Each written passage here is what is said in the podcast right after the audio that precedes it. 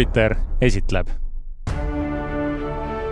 detsembrikuu on käes ja planeet Hollywood stardib taas, et tuua teieni kõige põnevamad filmiuudised, filmiarvustused ja kõik muu, mis käib filmimaailma juurde, kaasa arvatud põnevad faktid ja, ja teadmised. ja loomulikult anname ka Jupiteri soovitusi, mida head sellel platvormil leiab. aga Andri, meil on päris tihe saade täna, mida kõike me räägime no räägime kõigepealt Nicolas Cage'ist, ta on teinud oma karjääri kohta ühe avalduse ja siis vaatame üle kuulsused, kes on nime vahetanud, muideks Nicolas Cage on üks nendest. ja, ja, ja samuti vaatame otsa, milline on tulnuka frantsiisi tulevik palju on neid uusi filme siia juurde tehtud ja Paul Greengrass, mees, kes lavastas Borne'i filmid, on võtnud ühe väga laheda uue projekti ette. ja lisaks veel filmid ja, ja sarjad, võiks öelda, sest täna on meil lausa neli asja. räägime kõigepealt millest? Godzilla Minus One filmist. siis äh, kinodesse on ka värskelt jõudnud Vihased pühad ja mina vaatan äh, siis äh, täpsemalt Squid Game'ite challenge'i sellist sarja, mis Netflixis on ja, ja Netflixi lainel jätkame ka Michael Fassbender ja David Fincheri näol The Killer aga meie oleme Richard ja Andri, teie Planeet Hollywoodi saatejuhid ja traditsiooniks on saanud selline soojendusküsimus mm. ja ega see ei olegi eelkõige mõeldud tegelikult meile, ma olen korduvalt öelnud, et see on äh, just meie kuulajatele kaasamõtlemiseks. kahjuks teie vastuseid me siin ei kuule, aga kui te kõvasti Instagramis või Facebookis karjute, et siis küll me need kätte saame. aga kui sa mõtled üldse Eesti kuulsuste peale, siis äh, kelle sellist top kümme lemmikfilmi nimekirja sa tahaksid teada? Ma võin mm., niikaua kui sa mõtled. oota ma..., oota, oota, ma ei saanud küsimusest aru. Eesti kuulsuste läbi top... aegade top kümme lemmikfilmi mm. -hmm. millised, äh, kelle oma sa tahaksid teada? Näiteks, siis ma võin ära öelda, ma mõtlesin tükk aega ja, ja kuna ma tean, et Alar Karis on suur äh, iga äh, nii-öelda muusikagurmaan, tal on väga mm -hmm. suur kollektsioon erinevaid vinüüle ja sealt ma saingi selle idee, et äh, tegelikult tema sellist äh, top kümme läbi aegade kõige lemmikumat filmi tahaks teada, et mida ta siis hindab kõige kõrgemalt ja mis tal seal veel on. ma kujutan ette, et mõnigi Eesti film on seal, aga on ka kindlasti välismaiseid filme. kelle nimekirja sina teada tahaksid? mul hakkavad kohe tulema filmiinimesed pähe ja ma kuidagi ei suuda seda aga ütle siis keegi filmiinimene. no ma ei tea, esimene, kes mul loomulikult tule, tuli, on Alar Kivilo noh mm., legendaarne filmioperaator, kes Hollywoodis lained lööb, aga kui ma mõtlen üleüldiselt Eesti peale mm,, kusjuures see on väga hea küsimus, see on väga raske küsimus. Uh, ma ütlen, ma ütlen, ma tahan Kaja Kallase filmivalikut teada.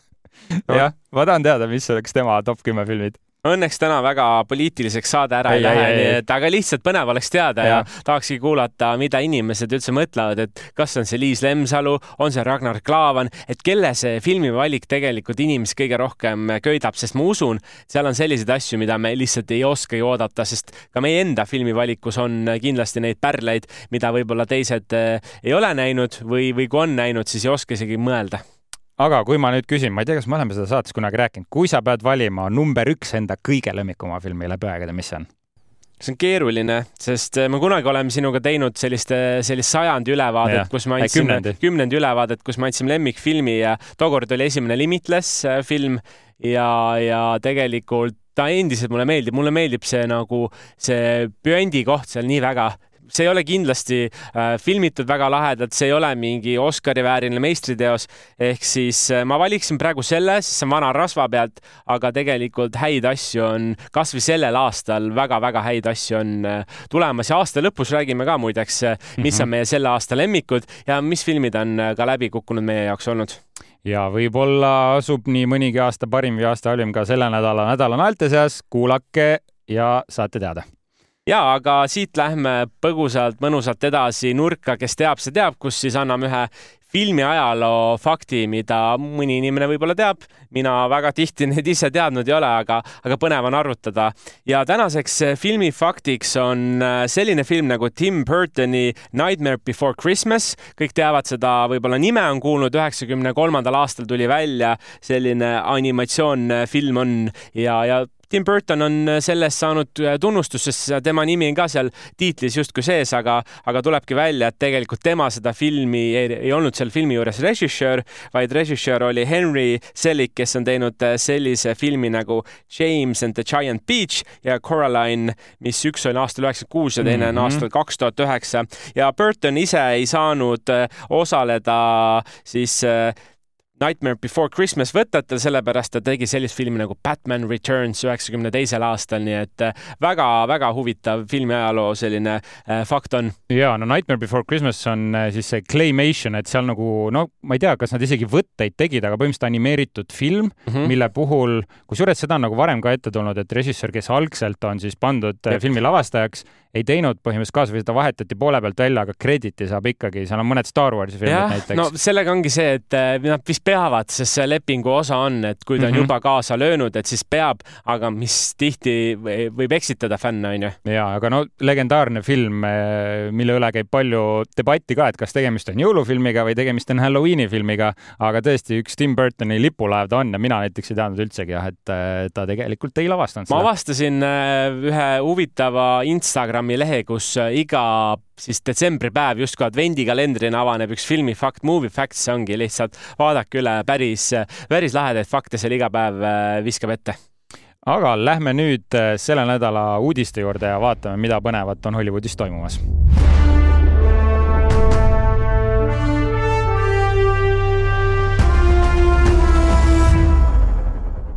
ja üks äh, põnev mees on alati Nicolas Cage või mulle meeldib öelda Nicolas Cage, lihtsalt miks mitte, aga tegelikult mees saab nüüd varsti kuuekümne aastaseks. muidugi palju õnne talle juba ette, äh, viisakas vanus, mees on teinud eluaja jooksul üle saja filmi või osalenud siis äh, üle sajas filmis ja, ja on, on tal olnud paremaid filme, on olnud halvemaid mm. -hmm. rahvuslik aare on kindlasti tema üks juveele ja viimasest ajast oli ähm, Äh, üüratu talendi talumatu taak Vaat see pealkiri oli sul äh, meeles ja ma tükk aega mõtlesin, et huvitav, mis see oli, et see läheb alati sassi mm. peas, aga noh, see oli tõesti hea film, mida ta, mida ta teinud on, aga on ka halbu asju olnud ja mees ikkagi mõtiskleb selle üle, et mis siis edasi saab, kas ta on surematu.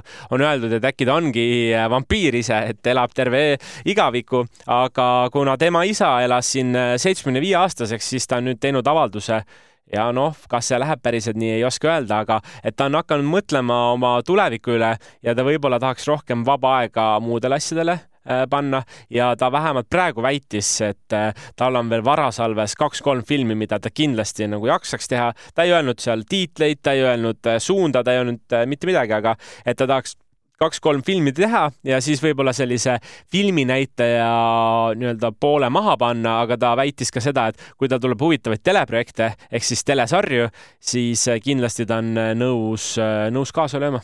Ja no mees tõesti, kellel on meeletult palju seal kuskil kahe tuhande kümne, kahe tuhande kahekümne vahel on tal nii palju siukest alla keskmise sisu või niisugust alla keskmise ta tegi raha pärast ka väga no, palju asju. jaa, täitsa arusaadav ja tal olid ikka suured maksuprobleemid, eks ole aga minu jaoks on see väga kurb uudis ja kui, kui sa nüüd ütledki, et vaata, kolm filmi on need, mis ta, no okei okay,, see, mis ta praegu välja ütles, ta tahab teha, see Nicolas Cage'i jaoks tähendab umbes ühte aastat.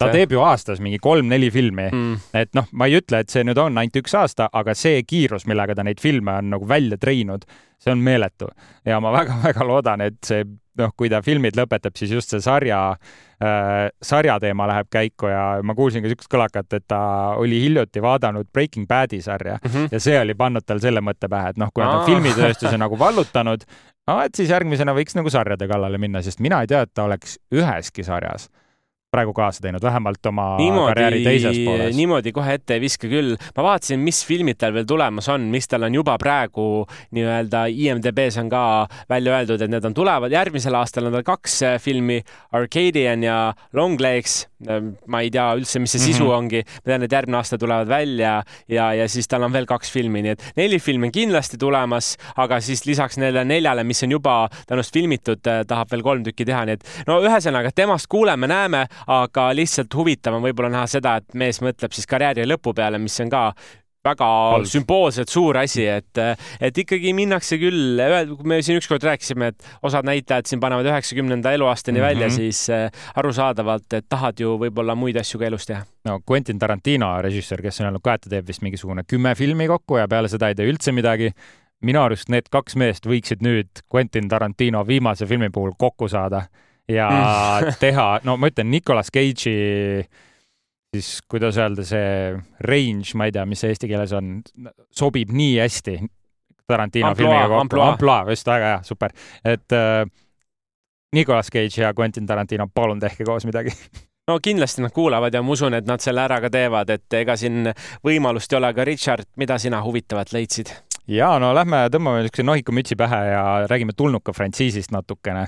Äh, see algas siis ju seitsmekümnendate lõpus Ridley Scotti filmiga Tulnukas ja no põgusalt, millest see räägib. põhimõtteliselt see on niisugune tulnukas, selline must kombitsatega, äh, kelle veri on siis põhimõtteliselt hape, hakkab kosmoses inimesi tapma. hästi kiire üldistus, eks ole mm. -hmm. ilmselt on paljud, kui ei ole filmi näinud, siis on seda xenomorphi, seda nagu tulnuka kuju kuskil varem näinud. tegemist ikoonilise õudusulmefilmiga ja tulnuka sari on leidnud nüüd omale uue nimeka peategelase ja tema, teda hakkab mängima Timothy Olyphant. see on siis selle uudise nagu üks pool ja Timothy Olyphant on siis mees, kes on näiteks äh, Die Hardi neljandas osas mm -hmm. mänginud pahalast ja viimasel ajal on teinud ta ka teleseriaalides nagu The Mandalorian ja The Book of Boba Fett rolle. ja selle sarja, siis selle tulnuka sarja eestvedajaks on äh, sellise sarja nagu Fargo produtsent Noah Hawley ja selle tegevus toimub siis meie praegusest ajast seitsekümmend aastat tulevikus maa peal ning äh, noh, saab näha, kuidas see ühendub siis nende varasemate tulnuka filmidega ja seal sarjas äh, teeb kaasa veel Sydney Chandler, kes mängib siis põhimõtteliselt sellist hübriidi, kellel on lapse mõistus ja täiskasvanu keha. ehk ta on selline pool inimene, pool android. ei, kusjuures ongi täpselt täiskasvanu keha ja lapse mõistus mm. ja siis Timothy Olyphant mängib Kershi nimelist androidi, kes hakkab seda hübriidi karakterit siis nagu mentordama. ja rohkem ma praegu ei tea, see sari hakkas filmima selle aasta juulis, vahetult pärast seda, kui näitlejate streik algas, mis on nagu väga mm. huvitav, sest et äh, paljud näitlejad selles sarjas ei olnud selle säägi äh, liikmed ehk nad said veidi filmida okay., kuni nad jõudsid selle hetkeni, kui enam nüüd vist need peaosalised pidid nagu üles astuma ja siis nad mm. ilmselt pidid pidurit tõmbama. ja nüüd äh, minu teada peakski see produktsioon jätkuma või, või juba praegu jätkub äh,. väga põnev, et nad toovad nüüd jah, selle Alieni frantsiisi siis äh, väiksele ekraanile, ma arvan, et seal on väga palju, no seal on väga palju siis seda taustalugu, mida saab rääkida et see on siis nüüd selle väikse ekraani pool. suurele ekraanile, kellel meeldib vaadata tulnukat, on mm -hmm. ka mhm. häid uudiseid, sest selline režissöör nagu Fede Alvarez, kes on teinud äh, filmi Don't Breathe ja Evil Dead, tema hakkab siis lavastama äh, Alien Romulus nimelist äh, filmi ja selle peaosas on Kaylee äh, Spawni. no näitleja, kes ei ole võib-olla selline, kelle nime järgi kohe ära tunned. see toimub selle... ka tulevikus või on see minevikus? kõik, kõik tulnuka mm -hmm. filmid on tulevikufilmid, eks ole, need on ulmefilmid ja kronoloogiliselt peaks see film sobituma selle esimese ja teise filmi vahele. ehk siis Ridley Scotti Alieni ja James Cameroni Aliensi vahele. väga ohtlik eh, Mis... teha niimoodi kahe filmi vahele, et teinekord eellugu, järg väga hea mm, -hmm. aga inimesed hakkavad kohe võrdlema ja tagantjärgi ka, kui tahad vaadata, hakkad vaatad esimese ära, siis vaatad, kas see teine sobib, siis proovid kolmandat, et kui see keskmine osa ei sobi, siis see on ikkagi väga-väga halvasti. no need on legend, need on kõige paremad tulnukafilmid, mis on üldse tehtud ja väga nagu ütleme, suur ettevõtmine on see panna just nende kahe vahele, aga mis on veel hea uudis sellistele vanakooli tulnuka fännidele, et needsamad äh, siis kunstnikud ja need, kes teevad neid proppe või neid, äh, jälle, jälle mul ei tule eestikeelne sõna meelde, aga äh, need, kes nagu need tulnukad lõid nende esimeste filmide jaoks, need on nüüd tagasi tulnud selle uue filmi jaoks, mis on minu arust päris põnev uudis no tulnukad mulle meeldivad, mulle meeldib eriti tulnukas ehk Valdise päästmine üheteistkümnes osa, aga noh, see, see ei ole päris see tulnukas ja, ja tõenäoliselt need uued asjad, mis tulevad, ei ole selle eel ega järel lugu. Pässa-Riksi uued Bemmi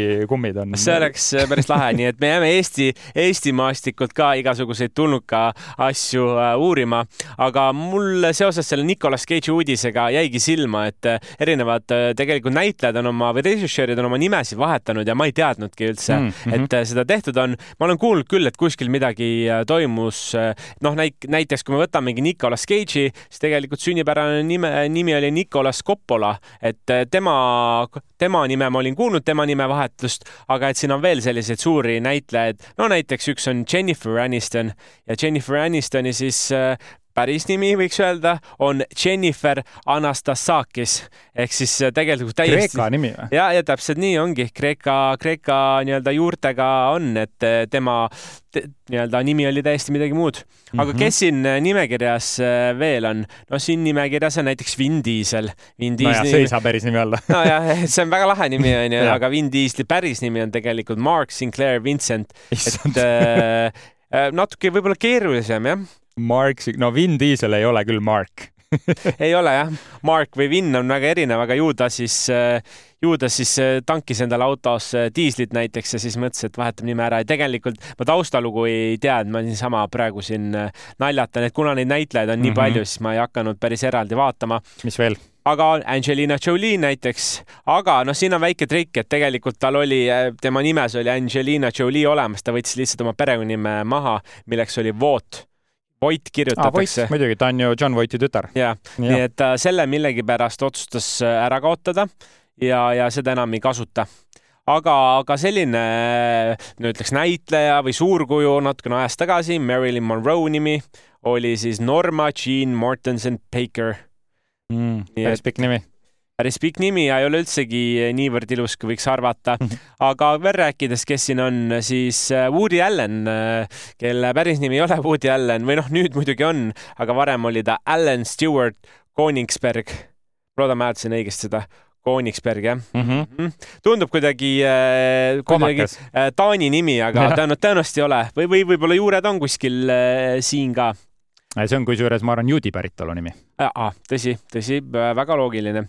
siis äh, siin on veel välja toodud selline näitleja nagu Richard Burton tema siis, äh, no tema mm -hmm. on juba päris sellise vanakooli näitleja, tema tegi siis Elizabeth Tayloriga omal ajal filme, kaks, tuhat üheksasada kakskümmend viis sündinud, tuhat üheksasada kaheksakümmend neli suri, äh, võib-olla, võib-olla, võib-olla keegi teab teda, aga tema päris nimi oli Richard Walter Jenkins, nii et, et millegipärast on võetud selline enda nimi, mõeldud, et see ei ole väga Hollywoodilik ja muudame selle ära. kas sa, kui sina, ütleme, sulle keegi pakkus suurt rolli kuskil filmis, filmis, kas sa oleksid nõus äh, ma ei tea, oma nime ära muutma, et oleks Hollywoodilikum. nojah, Richardit kutsutakse lühendatuna Dickideks, nii et äh, siin on hea võimalus võtta Dick Järvi endale nimeks aga no minu arust Hollywoodis oli see no vanasti ikka üsna tavaline asi, mida teha. sa võtadki, sa võtadki mm, -hmm. minu arust Brad Pitt, Will Smith, kõik, äh, Tom Cruise ei ole ka, ta on Thomas Mapother Cruise the third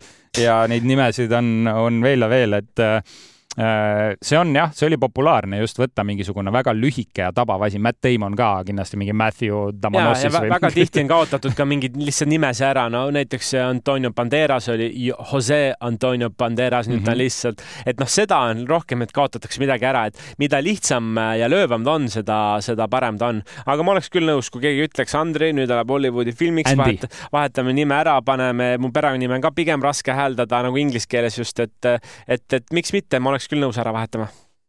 Andy P. Andy P, jep. aga äh, Richard C, kui mis meil äh, uudistes veel on? jaa, selline mees nagu Paul Greengrass äh, andis teada, et ta hakkab lavastama uut uppuva lennuki põnevikku ja Paul Greengrass on siis mees, kes lavastas nii teise kui ka kolmanda osa Borni filmidest.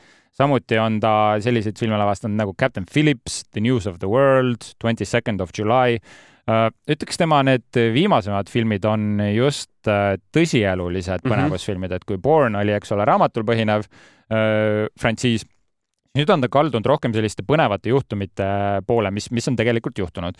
ja see uus film, mida ta siis tahab lavastama hakata, selle pealkirjaks peaks tulema Drowning the Rescue of Flight One Four Two One ja see põhineb samanimelisel raamatul. lugu on, ütleme nii, et täitsa filmilik, räägib sellest, mis juhtub lennukiga, mis on kohe pärast õhku tõusmist plahvatanud ning maandunud merre, kus reisijad on jäänud siis kinni sellisesse õhutaskusse ning sealt väljapääsemine on võimatu. ja nende ellujäänute seas on üheteistaastane tüdruk ning tema insenerist isa ja selle isa siis äh, naine, kellest on nüüd lahku näinud, on osa mm. sellest eliitrühmitusest, kes tuleb päästma selle no, no draamat on siis täie raha eest ja siin saab draamat, siin saab action'it, ma kujutan täpselt ette, midagi siukest Captain Phillipsi sarnast siit tulla võib mm.. aga sulle meeldivad muidu need igasugused lennuki, lennuõnnetuse oh, filmid, sarjad? õnnetused mulle ei meeldi, aga filmid meeldivad ja ma mõtlesingi, et just nagu filmid, vaata, no nii ja. nagu on olemas, ma ütleks kosmose tüüpi filmid mm, -hmm. on tulnukate filmid, on siis äh, igasugused laevaõnnetused, lennukiõnnetused, et see on kuidagi väga spetsiifiline, ma tean, et osadele väga meeldivad ju see või noh, see on üksiku saare temaatika, näiteks oli kunagi sari Lost on ju, kus oligi lennuk kukkus alla ja, ja tegelikult kadus või mitte kukkunud alla, aga kadus kaardi pealt ära umbes. no nad kukkus, nemad ju kukkusid no, alla, eks ole. alla, aga, aga maa, muu maailm ei teadnud, on ju, et äh, ma mõtlesin, et huvitav, et kas sellist äh, värki on ka, aga ma saan aru, et see on rohkem selline draamalugu. ei, ma ütleks, ma arvan, et see on thriller ja selle tegevus ei toimugi siis, eks ole, või noh, selle tegevus on väga niisuguses nagu piiratud ruumis mm., et seesama lennuk, mis on seal uppumas, selle sees, eks ole, siis kuidas need, kuidas see eliitüksus üritab neid päästa, mis on samas ka nagu huvitav, sa mõtled, et lennuk, eks ole, see on mõeldud õhus lendama mm. Ja nüüd ta peab vee all hakkama saama. noh, et sa tood nagu need kaks ja, erinevat elementi kokku ja paned nad sinna, kus nad ei peaks olema. no tundub, et, äh, kui see on hästi teostatud, siis äh, potentsiaalikas, jällegi väga raske teema, et mm -hmm. selliseid asju nagu õigesti teha, et äh, sul peab olema see eeltöö ja see töö koha peal peab olema lihtsalt imeline. no Paul Greengrassi osas mul usku on just äh, täpselt sellesama Captain Phillips ja Bourne'i filmide osas, et äh, ta on ennast tõestanud juba ja, ja ma usun, et vanusega on ta ainult paremaks saanud selleks korraks on uudistega kõik, vaatame üle, mis meil selle nädala filminaelad on.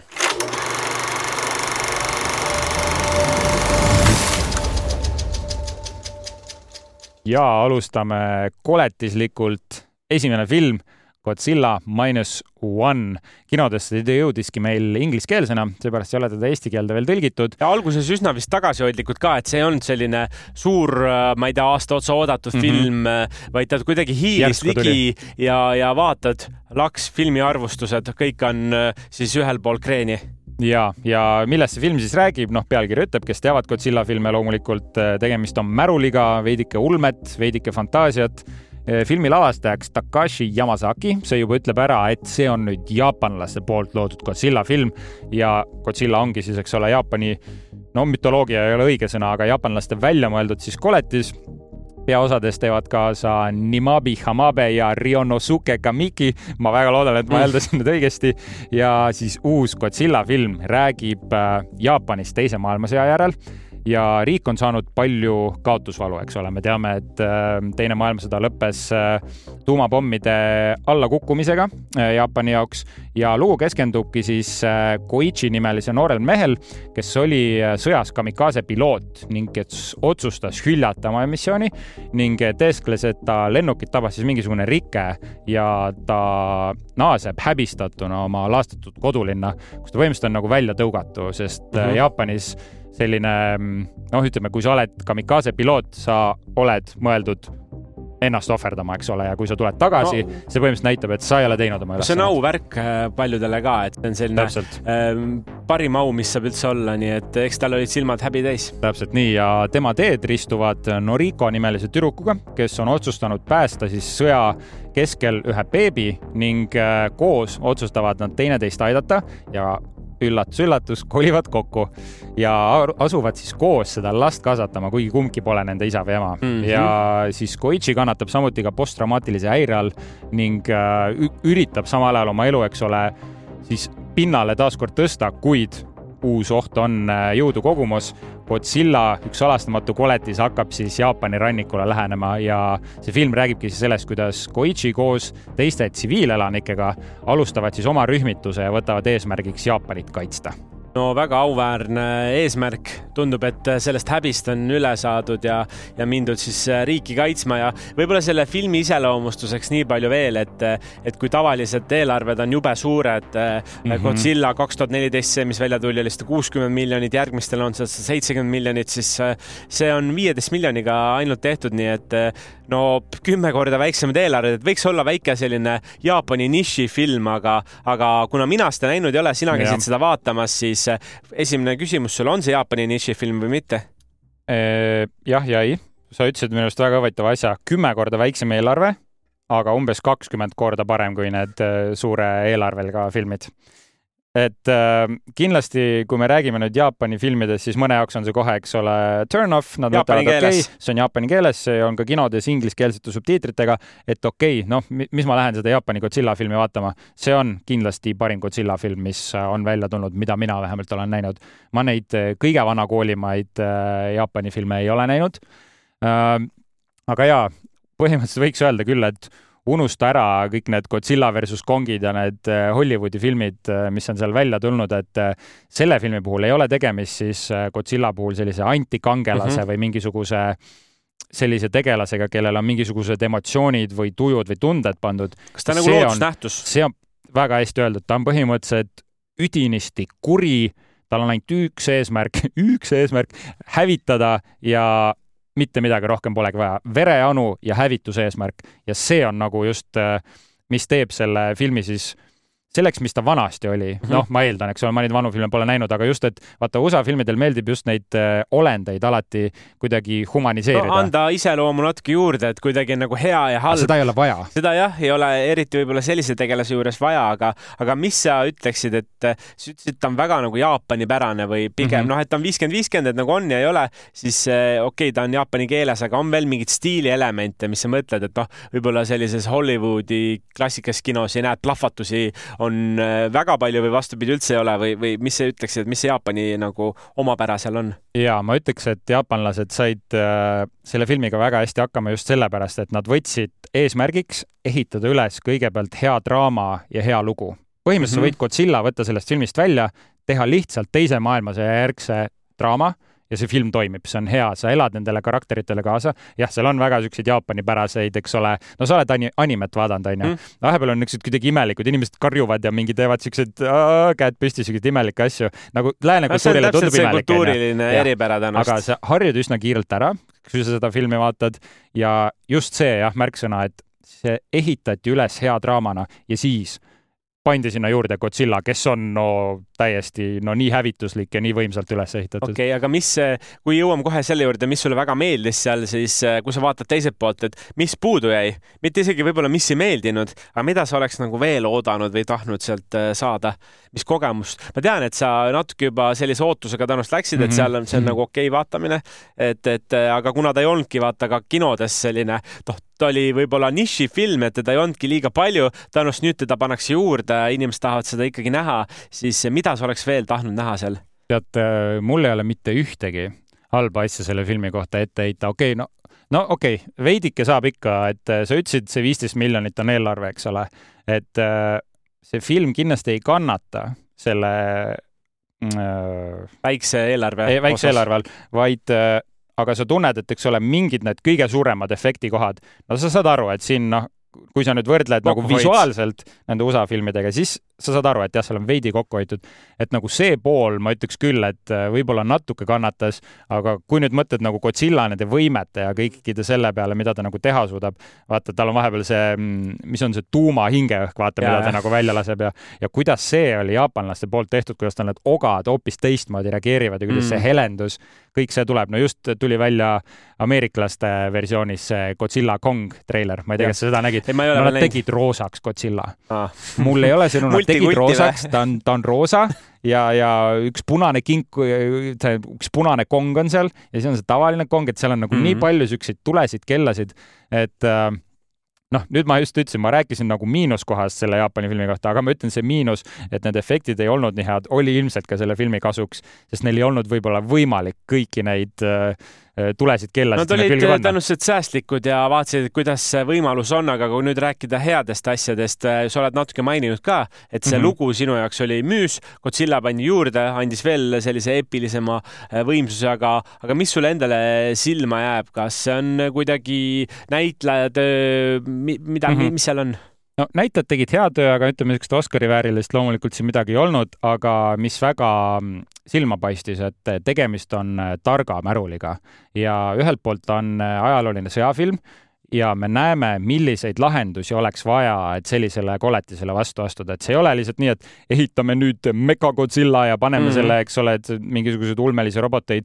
seal on füüsikaliselt väga lahedalt ära seletatud, kuidas mida nad saaksid ette võtta, et siis tsiviilinimesed saaksid nagu Godzillaga võidelda. alati on võimalus olemas. alati on võimalus ja siis mõtled, okei okay,, kui nagu ma, no ma ei hakka midagi ette spoil ima, aga kui tuleb see koht, sa vaatad täiesti lõpp, see tundub niisugune asi, mis reaalselt võiks toimida ja see oli nagu, see oli see, mis selle filmi heaks tegi ja loomulikult äh, see film kasutab ka niisuguseid vanakooli siis ähm, helilisi, no niisuguseid ähm, erilahendusi. vanakooli siis, äh, ütleme vanakooli muusikat ja mingeid mm. asju, mida me ei ole ammu näinud sellistes koletiste filmides, et äh, jällegi ma ei taha midagi ette öelda, sest see on selle filmi puhul üks väga-väga suur selline tead, rusikas ülesse ja tahad jess karjuda koht, et äh, ja ma tunnen, et ma olen sellest filmist nüüd nii palju head rääkinud ja. ei no sa oled andnud kõike natukene, sa oled andnud, sa annad äh, sisukat äh, tagasiside, aga kellele sa seda soovitad, kas see sobib kõigile, sobib see, ma ei tea, väiksele kooliütsile, kes käib, äh, ma ei tea, seitsmendas klassis, sobib see kontoritöötajale, kes on juba oma kolmekümnendates või on hoopis vanaemale see hea vaatamine ma ütleks, et äh, kõigile kolmele sobib see vaatamiseks, et see film loomulikult näitab veidi sõda ja hävingut, aga ta ei ole kuidagi noh, minu arust seal, seal ei ole mingisuguseid kõlan nii vanana nüüd, siivutusi, seal ei ropendata ja ütleme, niisugust ka nagu verepurskamist ei ole, et seal on nagu suur häving pigem. no jaapanlikult äh, siis on ikkagi viisakas, et Jaapani ja, stiil ja. ongi selline pigem nagu konservatiivsem mm, -hmm. aga mhm. sellest sinna loo sisse on rohkem pandud. ja et äh, kuna see film on ka siis nagu see vanakooli mm -hmm. versioon sellest Godzillast, siis sellepärast see sobiks ka vanaemale vaatamiseks väga hästi aga väga super, äh, siit äh, tundub, et see on see asi, mida mina lähen ka kindlasti vaatama, tegelikult mul on juba, juba välja seansid äh, valitud, vaatan selle ära, aga üks film, mida Richard ei ole näinud, mida mina käisin vaatamas ja selleks on Vihased pühad. Ja lühidalt öeldes see on lihtsalt kättemaksu lugu, siin ei olegi mm -hmm. midagi öelda, see räägib kättemaksust ja tegelikult üks filmi produtsente on ka John Wicki looja. Mm. -hmm ja, ja Jon, jah, Jon. Äh,, ma tahtsin öelda, et John Vo on siis filmi direktor, kes on ise teinud äh,, ise teinud pigem selliseid väiksemaid asju, aga äh, ta on ka teinud näiteks aastal kaks tuhat Mission Impossible kahe režissöörina, et ma vaatasin ta sellist filmograafiat ka, et tegelikult äh, siin midagi suurt paika panevat viimasest ajast ei ole. no vanast ajast jah, et tegelikult teda peetakse, ja, ja, ja seda küll jah ja et eh, sest tal on ju minu arust Face Off ja siis Broken Arrow ja siuksed filmid on ka tema alt tal on jah, tema ütleme, asjad jäävad enne, mis on aasta kaks tuhat, mhm, et Face mm -hmm. Off on aasta üheksakümmend seitse, Hard Boiled üheksakümmend kaks need on kõik seal üle seitsme hindega, et eh, ta on omal ajal olnud nagu just, just. Eh, käsi, käsi mullas või käsi kullas, nüüd tundub, et ta rohkem käsi mullas, aga, aga rääkides korra siis filmi sisust ka, et mis asi see Vihased pühad on, siis äh, peaosas on Brian, keda mängib siis äh, Joel äh, Kinnaman. Ja olgu siis öeldud, et see Joe Kinnaman, ma alguses mõtlesin, et väga tuttav nägu, terve film mõtlesin, et ülituttav. Mm. -hmm. ja siis mul tuli meelde, et Netflixis on üks sari, mis mulle väga meeldib, milleks on Altered Carbon, jah, täpselt. Ja, ja, ja tegelikult see mulle kuidagi väga sümpatiseeris, et ta on selline, ta on väga heas kasvus, pikkuses, füüsilises vormis mees, kes hakkab siis asju tegema tegema, aga tundub, et ma siin kogu aeg lähen teemast kõrvale, siis, siis tegelikult siis juhtub selline asi, et filmi alguses kohe juhtub üks traagiline sündmus, kus siis Briani poeg saab seal surma ja süüdi on tegelikult gängid, kes seal kohalikus linnaosas elavad. gängid käivad ringi, omavahel sõdivad ja kahjuks tsiviilelanikud siis saavad äh, ka väga tihti õnnetustest viga. tema poeg sureb ära, tema ise saab vigastada ja film siis räägibki sellest, kuidas pärast äh, seda suurt õnnetust äh, või suuri õnnetusi mees hakkab ennast üle, üles töötama ja ta on võtnud eesmärgiks siis gängide vastu hakata ja, ja tahab seda maailma palju paremaks muuta. vot selline on äh, lühidalt selline filmilugu, ma ütleks. ja see kusjuures kõlab natuke Face-Offi moodi, Face-Off algas ka sellega, et peategelase poeg sai surma ja siis ta hakkas kätte maksma no vot -hmm. näed, et, et sellist kättemaksu motiivi on küll. no kui keegi nüüd küsib, et miks see vihased pühad on ja mis see pühadega seotud mm -hmm. on, ma arvasin, et äh, kas oli eelmine aasta või üle-eelmine aasta tuli ka üks selline jõuluteemaline action film ja. välja.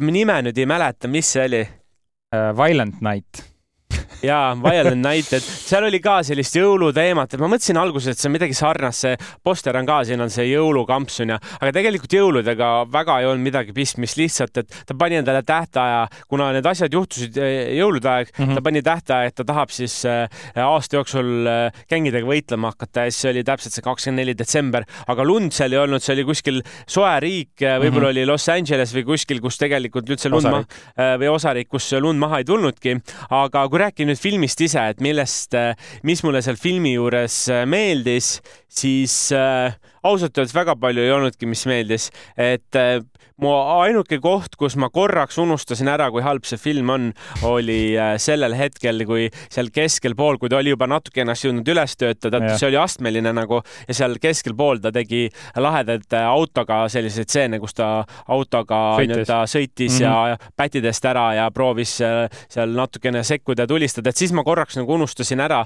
aga ma ütleks küll, et selle aasta top võib-olla, kui mitte kõige halvem film seal top kaks, top kolme koha peal ta on, et ta oli lihtsalt, kui ma vaatan ühte filmi, siis siis ma tihti vaatan, näen ära, et okei okay,, näitleja on võib-olla nii hea või siis ja. hoopis äkki montaažis oli puudu midagi, et, et eh, kuidagi poolik on, siis selle puhul, filmi puhul oli hästi palju mõttetut, et asju, mida tegelikult ei olnud vaja teha, tehti seal, rõhutati kuidagi valesi asju, et oli hästi ebaloogiline. ma toon mõne näite. no kuna ta sai ise vigastada, siis ta kutsuti politseijaoskonda, siis millegipärast oli järsku tseen, kus ta oli politseijaoskonnas ja, ja ta oli siis selle uurija kabinetis, ootas uurijat et uurijal olid kõik materjalid olid igal pool laiali, vend telefoniga pildistas üle ja läks ära, nii et uurijaga isegi ei kohtunud näiteks või et nagu sa vaatad, sa oled mingi, et mis maailmas lastakse keegi mm -hmm. lihtsalt politseijaoskonda, kellegi kabinetti lihtsalt üles pildistama niimoodi, et seda inimest ise ei näitagi või teda ei ole, et, et, et väga palju selliseid kohti, mis nagu tundusid nii odavad, ebaloogilised, ebaloogilised võitlusstseenid ja kõik asjad ka, et kuidas ta treenis.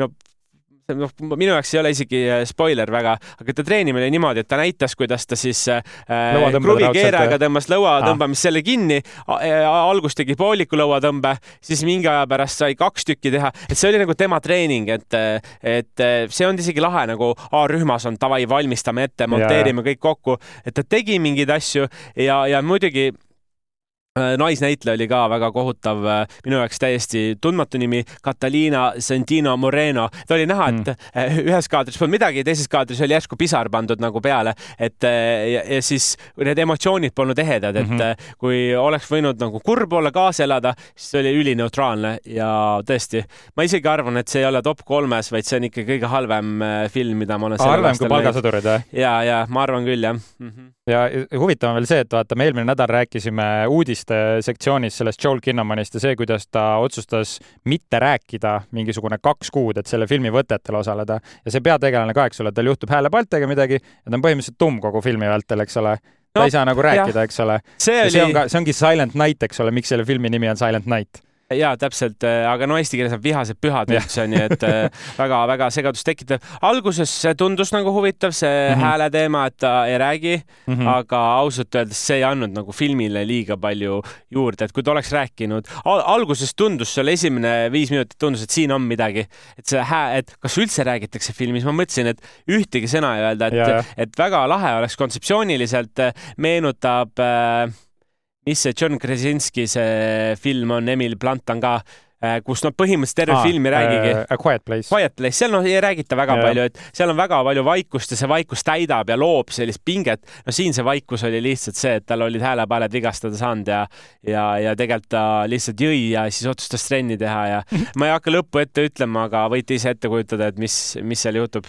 Jah, äh, kõlab jah, selline numbrite järgi tehtud action filme ülikahju, sest nagu sa mainisid, John Wicki režissöör äh,, sorry, John Wicki produtsent mm -hmm. ja siis meil on äh, John Woo režissöörina, kes on äh, kahe tuhandendate ajal olnud üks ägedamaid äh, action režissööre ja Joel Kinnaman, no kes ka, mulle tuleb kohe see Suicide Squad ja, ja mingi Robocop isegi, ma tean, mhm. paljudele ei meeldinud see film, aga et nagu kõik nagu elemendid justkui olid olemas, et see võiks olla midagi ägedat no,. ta aga... teenis, ta on praegu teeninud äh, kolm miljonit nagu see film maailmas no,. nii et ta vähe. on ikkagi, ta on täiega niši poole, ma ütleks selles mõttes, aga nagu ma tahaks teada kellegi arvamust, kellele see no, väga meeldis jõul,. jõulufilm, ma arvan, et see nišš ongi, et see on jõulude ajal välja tulnud action film, eks ole, ja see, see ongi see, mis peaks tooma neid vaatajaid kinno no siin ma korra lugesin, mida teised ka ütlevad, keegi, kes on olnud seitsmest kümme, siis on öelnud, et, et jah, see ei meeldi kõigile, sest seal pole palju dialoogi, aga mind ei häiri see, et ei ole dialoogi, siis on vaikus, aga mida selle vaikusega teed ka, et mm -hmm. sa pead seda planeerima,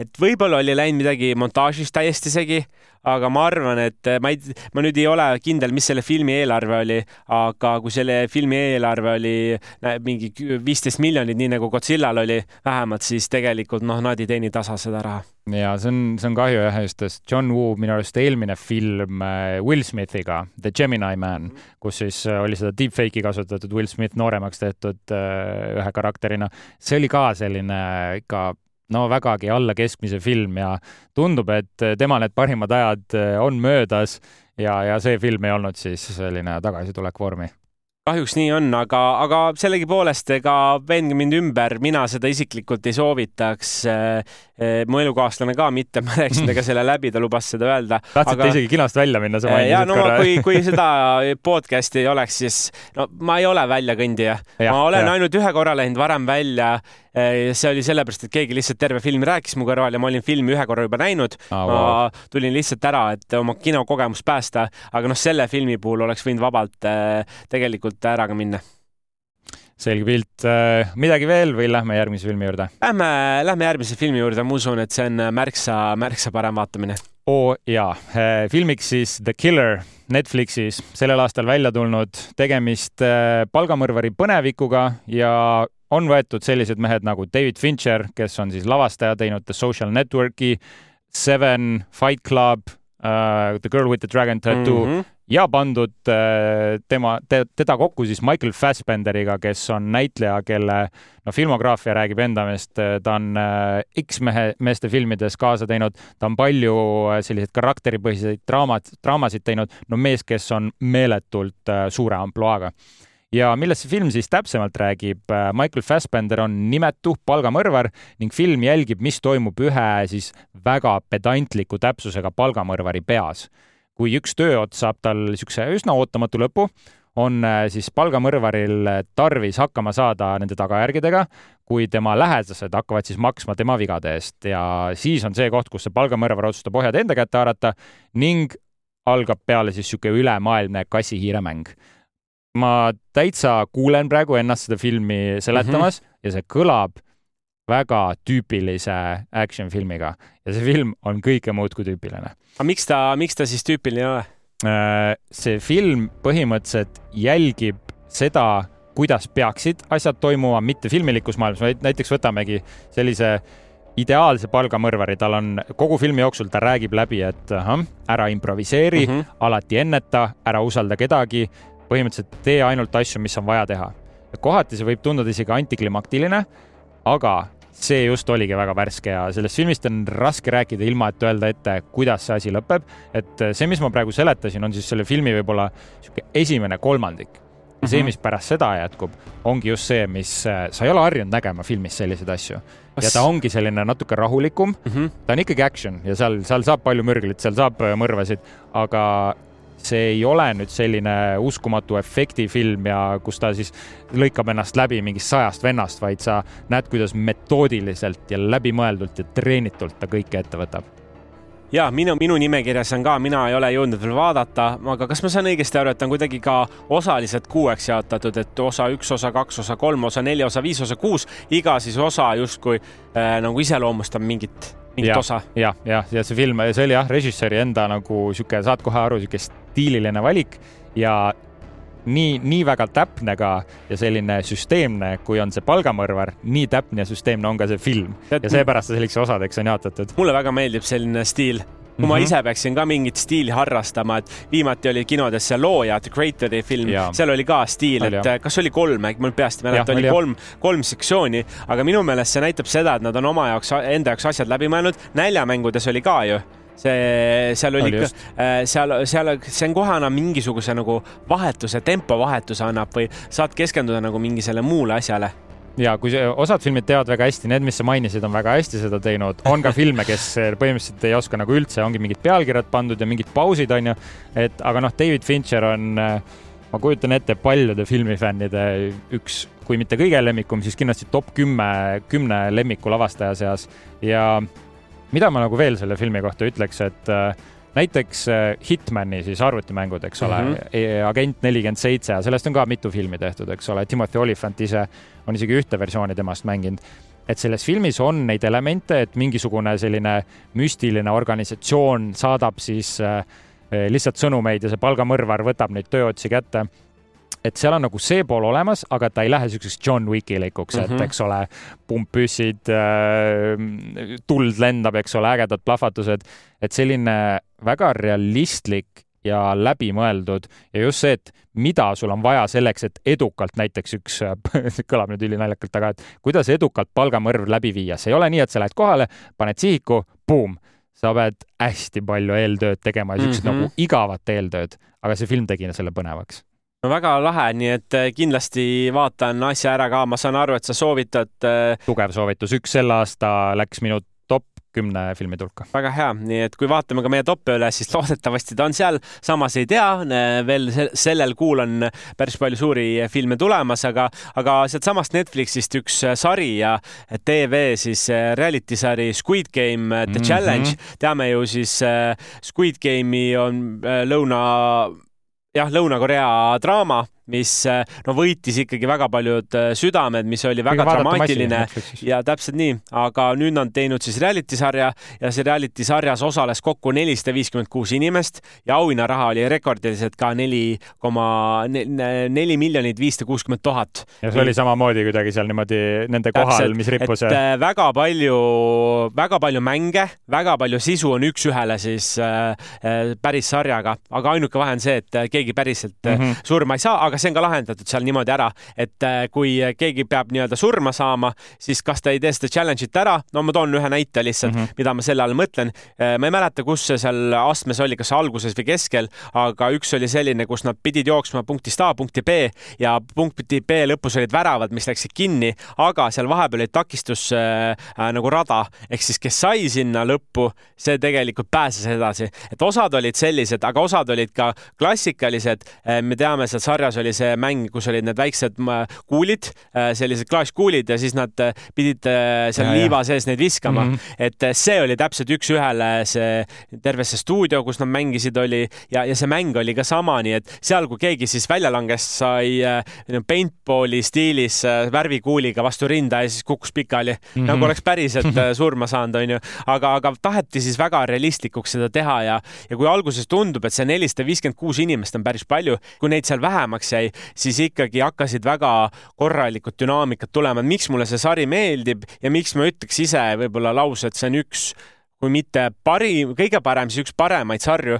Eh, inimloomused, inimesed ei suuda seda enda loomust varjata, et mm -hmm. nad ei mhm. kuku ju kõik korraga välja, seal läheb niimoodi järk-järgult, kuni siis äh,, muideks täna on, tuleb finaaliosa, kümnendat osa finaali, kus on siis mõned inimesed alles jäänud, ei ole veel võitjat, ei ole teada, aga, aga muidu ongi niimoodi, et nad langevad vaikselt ära ja nad teevad seal omavahel tiime, seal saavad inimesed sõbraks, reedavad üksteist, mõned on tõesti ka võib-olla natuke pehmemad seal ei tule kõikide asjadega kaasa, aga võiks arvata, need kõige lahedamad liidrid saavad edasi, lähevad kohe välja mm, -hmm. sest seal on niimoodi, et osad mängud on üksteise vastu, äh, osad on ka üllatuse peale, näiteks viis inimest, kes on vabatahtlikud.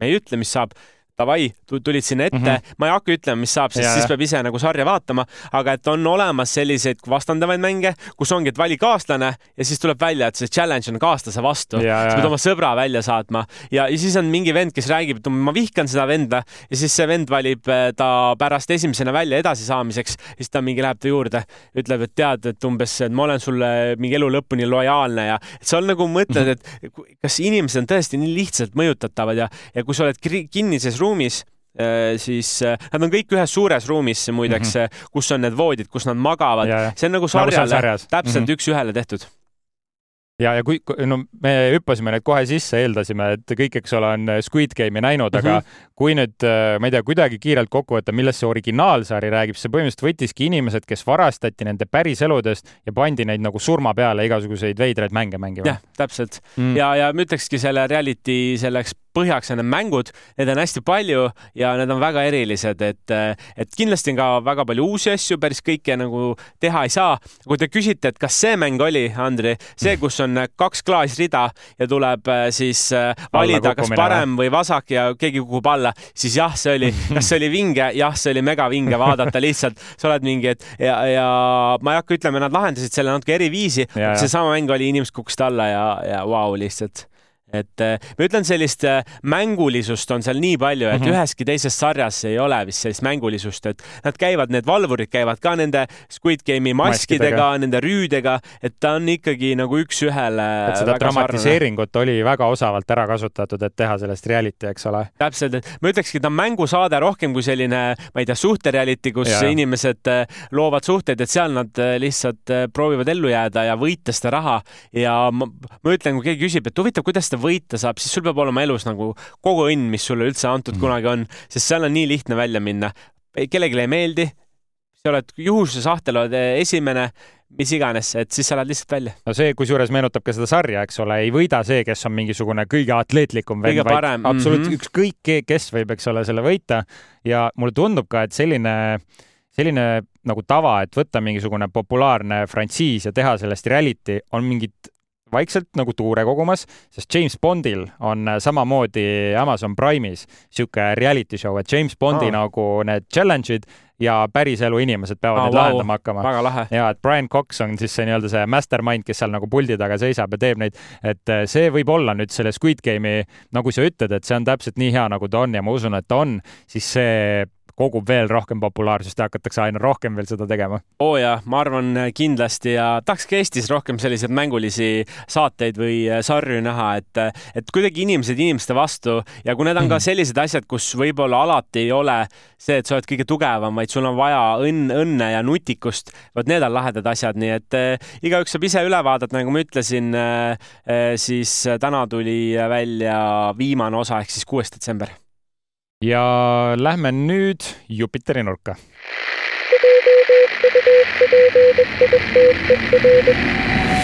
Jupiterist leiab siis kõike paremat, mis ERR pakub, äh, audiosisu, videosisu ja annaks mõned soovitused siit ja no tuleb rääkida loomulikult jälle Eesti Laulust natukene. selle nädala reedel avalikustatakse siis äh, Eesti Laulu artistide lood oh,. hommikul, hommikul vara lähevad need äh, Eesti Raadio äppi ülesse ehk siis ainult audio vormis, et mm -hmm. tõmmake endale ERR-i äh, audioäpp Eesti Raadio, leiate selle igasul net, nendes Apple Store ides ja Androidi telefonides. Aga Jupiteris lähevad siis need muusikavideod õhtul kell kaheksa ka laivi, et kui te olete juba kuulnud seda lugu ja tahate näha, mis muusikavideo artist sellele teinud on, siis Jupiteris saad neid vaadata, nii et Väga Eesti tahaks. Laul kaks tuhat kakskümmend neli, kui tahate otsingusse panna, kindlasti leiate sealt kohe eest äh, teemaridadelt. no neid muusikavideosi alati oodatakse ka väga mm -hmm. ja ma tean, et äh, muusikutel on küll selline väljakutse, sest aega on tavaliselt vähe, aga kui nad selle valmis saavad, see kuidagi loob sellist äh, mõnusat olustikku, nii et äh, mina kindlasti vaatan väga lahe ja anname teiseks ka mingisuguse, anname mängufilmi soovituse.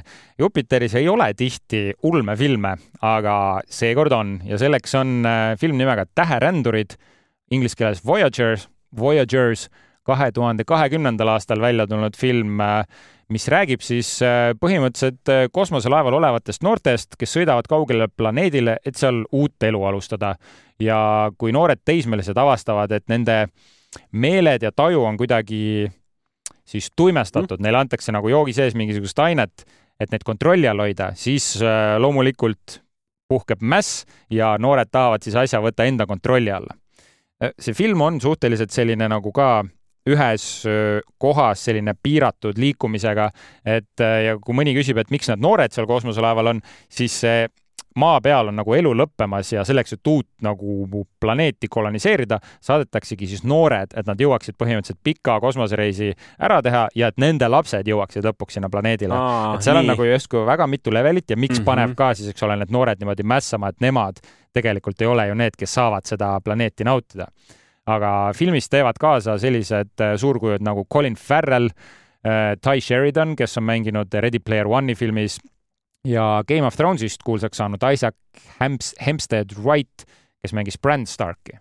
et see, ma ütleks, et kõige paremini iseloomustab seda filmi äh, Kärbeste jumal kosmoses oh,. see on põhimõtteliselt et... täpselt see, kuidas leerid hakkavad nagu jaotuma Äh, ka inimpsühholoogia järelikult väga-väga see, et kuidas, kuidas inimesed mõtlevad ja kuidas nad käituvad. täpselt nii ja see on äh, väga hea näide just, kuidas inimesed siis kriisiolukorras äh, käituvad ja kuidas nende leerid jaotuvad. Ja paneb ka küsima seda, et kas inimkond väärib päästmist, see on ju alati nende ulmefilmide nagu teema, eks ole, kui maa peal hakkab elu lõppema, et kas me siis peaksime jõudma kuhugi kaugemale, kas me lõpuks jõuame, kuidas me jõuame.